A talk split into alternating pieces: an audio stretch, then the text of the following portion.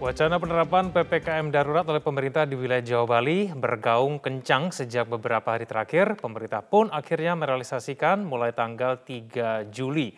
Apa latar belakangnya? Rekan Livia Ramadanti akan memaparkan informasi selengkapnya. Livia, silakan. Egan dan juga pemirsa PPKM darurat menjadi skenario yang diberikan oleh pemerintah pusat untuk penanganan COVID-19 yang kasusnya kian hari kian meningkat. Presiden Jokowi pun resmi menerapkan PPKM darurat akhir pekan mendatang. Berikut pernyataan selengkapnya dari Presiden Joko Widodo.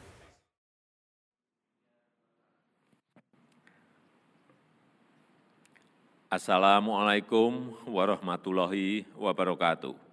Salam sejahtera bagi kita semuanya. Om Swastiastu, Namo Buddhaya, Salam Kebajikan. Bapak, Ibu, dan Saudara-saudara sebangsa dan setanah air, saya ingin menyampaikan satu hal yang sangat penting bagi keselamatan kita semuanya. Seperti kita ketahui, pandemi COVID-19 dalam beberapa hari terakhir ini berkembang sangat cepat karena varian baru yang juga menjadi persoalan serius di banyak negara. Situasi ini mengharuskan kita mengambil langkah-langkah yang lebih tegas agar kita bersama-sama dapat membendung penyebaran COVID-19 ini. Setelah mendapatkan banyak masukan dari para menteri, para ahli kesehatan, dan juga para kepala daerah, saya memutuskan untuk memberlakukan PPKM darurat sejak tanggal 3 Juli hingga 20 Juli 2021, khusus di Jawa dan Bali. Ppkm darurat ini akan meliputi pembatasan-pembatasan aktivitas masyarakat yang lebih ketat daripada yang selama ini sudah berlaku. Secara terperinci bagaimana pengaturan PKM darurat ini, saya sudah meminta Menteri Koordinator Marinvest untuk menerangkan sejelas-jelasnya secara detail mengenai pembatasan ini. Saya minta masyarakat berdisiplin mematuhi pengaturan ini demi keselamatan kita semuanya. Pemerintah akan mengerahkan seluruh sumber daya yang ada untuk mengatasi penyebaran COVID, seluruh aparat negara, TNI Polri, maupun aparatur sipil negara, dokter dan tenaga kesehatan harus bahu membahu bekerja sebaik-baiknya untuk menangani wabah ini. Jajaran Kementerian Kesehatan juga terus meningkatkan kapasitas rumah sakit, fasilitas isolasi terpusat maupun ketersediaan obat-obatan, alat kesehatan hingga tangki oksigen. Saya minta kepada seluruh rakyat Indonesia untuk tetap tenang dan waspada, mematuhi ketentuan-ketentuan yang ada, disiplin dalam menjalankan protokol kesehatan dan mendukung kerja-kerja aparat pemerintah dan relawan dalam menangani pandemi COVID-19 ini. Dengan kerjasama yang baik dari kita semua dan atas ridho Allah Subhanahu wa Ta'ala, Tuhan Yang Maha Esa, saya yakin kita bisa menekan penyebaran COVID-19 dan memulihkan kehidupan masyarakat secara cepat. Terima kasih. Wassalamualaikum warahmatullahi wabarakatuh. Om Santi Santi. Gubernur DIY Sri Sultan Hamengkubuwono ke-10 menyatakan siap mengikuti pemerintah pusat dalam menerapkan PPKM darurat. Sementara itu tingginya angka penularan COVID-19 membuat dua rumah sakit di Jawa Tengah menutup ruang IGD. Selengkapnya akan disampaikan oleh Naufal Nurosa langsung dari Semarang, Jawa Tengah. Naufal, apa yang menjadi persiapan dari wilayah DIY menjelang PPKM darurat? Ya, selamat siang Egan dan juga pemirsa. Setelah tadi diumumkan oleh Presiden Joko Widodo bahwa PPKM darurat ini akan mulai berlaku sejak tanggal 3, ini pemerintah Provinsi Daerah Istimewa Yogyakarta melalui Gubernur Sri Sultan Hamengkubuwono juga sebelumnya telah menyiapkan atau telah menyatakan kesiapannya untuk uh, mengikuti uh, program PPKM darurat ini. Selain itu, Gubernur juga menilai bahwa PPKM darurat ini merupakan cara yang paling efektif dinilai untuk saat ini dalam mencegah atau meminimalisir penularan COVID-19 terutama di daerah Jawa dan juga Bali. Dan berdasarkan keterangan dari pihak uh, Sekda DIY, memang Gubernur Sri Sultan Hamengkubuwono bersama dengan uh, sejumlah gubernur lainnya ini juga telah mengikuti rapat terkait dengan penerapan PPKM darurat ini. Kemudian ketika dikonfirmasi juga Sri Sultan Hamengkubuwono ke-10 telah menyampaikan bahwa Pemprov akan mengikuti dan juga akan ada usulan juga terkait dengan pengetatan di tempat-tempat umum, Egan dan juga pemirsa seperti halnya di tempat-tempat berbelanjaan serta tempat umum lainnya. Selain itu langkah-langkah yang akan diambil adalah dengan uh, menyiapkan anggaran penanganan COVID-19 yang sesuai dengan APBD namun sifatnya anggaran ini adalah fleksibel. Artinya apabila anggaran ini masih dinilai kurang, maka anggaran ini bisa dikoordinasikan lagi bersama dengan DPRD DIY. Dan berikut pernyataan dari Sri Sultan Hamengkubuwono ke-10 terkait dengan PPKM darurat. Ya harus melaksanakan. Lo kan sudah ada anggaran untuk untuk menangani COVID kan sudah ya ada anggaran. Baru nanti kalau kurang, nah baru rembukan lagi sama R. Tapi kalau dalam APBD kan sudah ada.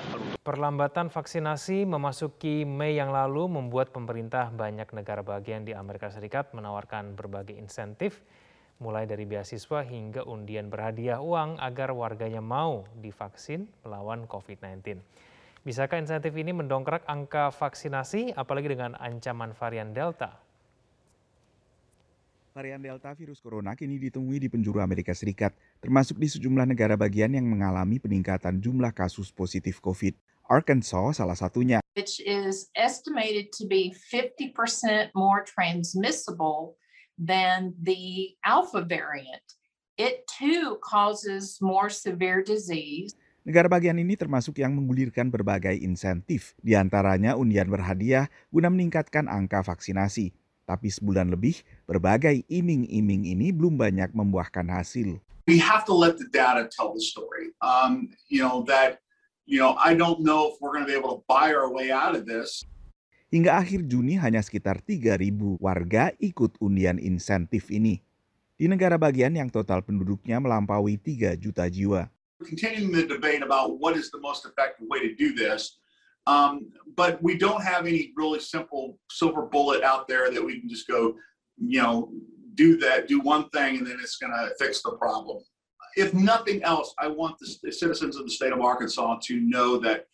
we are trying to figure out any and every way to be able to provide some protection to you. Yang dikhawatirkan terjadi orang baru ingat dan termotivasi untuk vaksinasi begitu COVID semakin mengganas.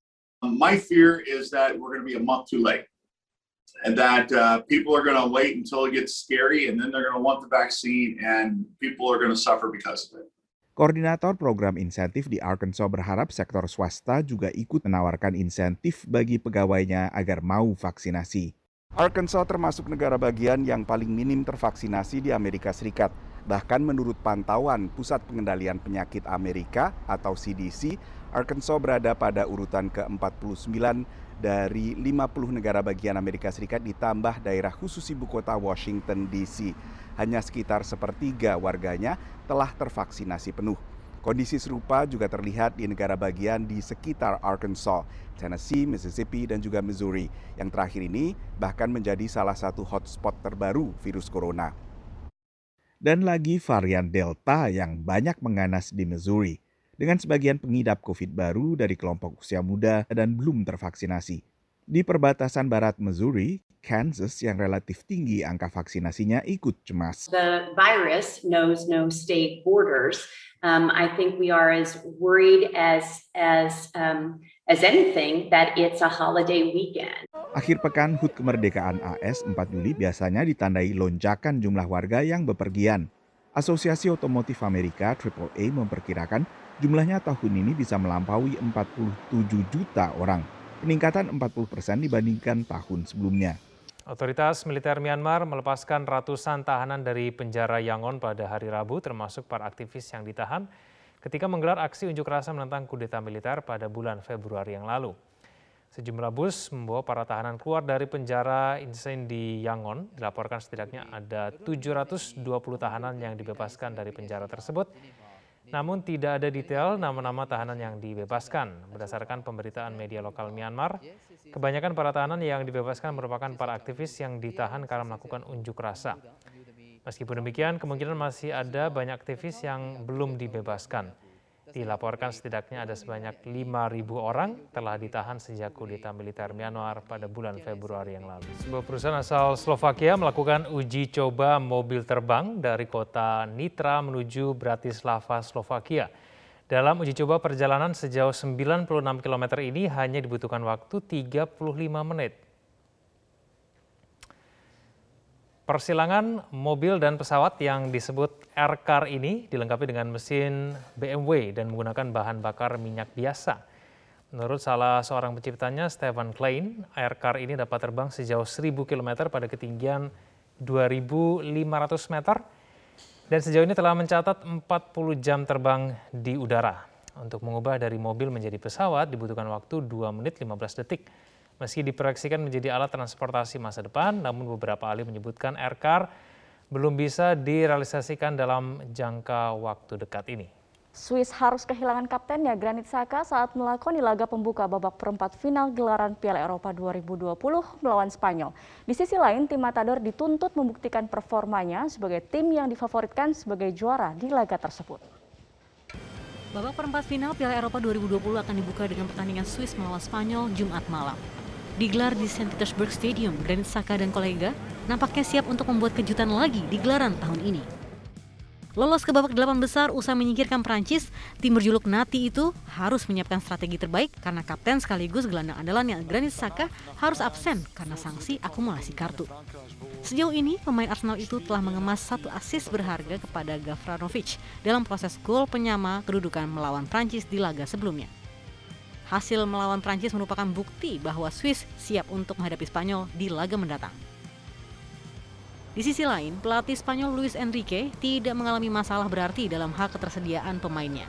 Ex pelatih Barcelona itu diperkirakan akan mempertahankan mayoritas pemain saat mengalahkan Kroasia. Tim Matador sendiri mempunyai modal usai mendominasi di lima laga terakhir menghadapi Swiss. Mereka setidaknya mampu mengemas dua kemenangan, dua hasil imbang, dan satu kali kalah.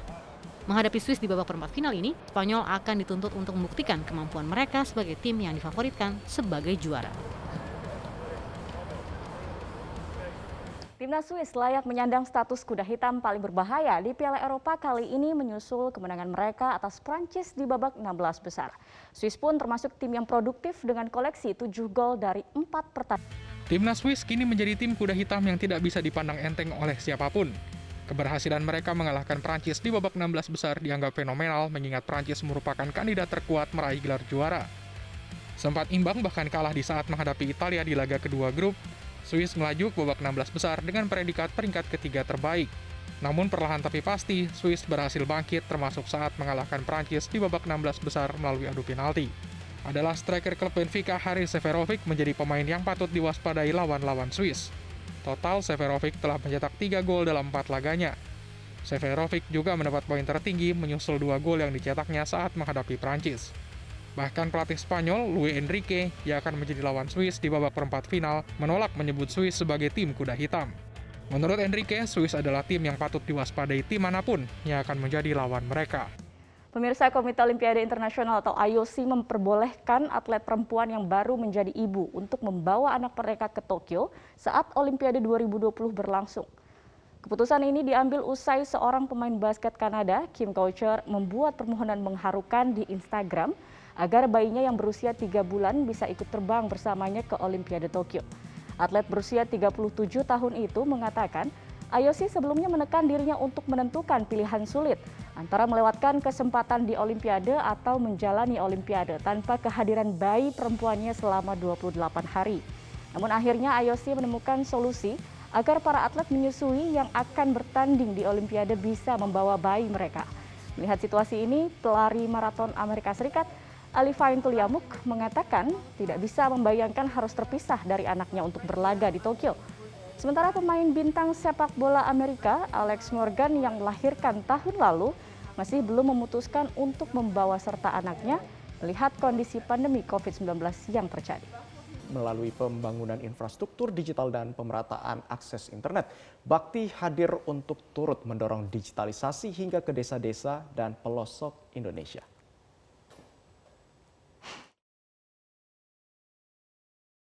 Pembangunan infrastruktur telekomunikasi dan internet menjadi salah satu bentuk kehadiran negara di seluruh desa dan penjuru Nusantara.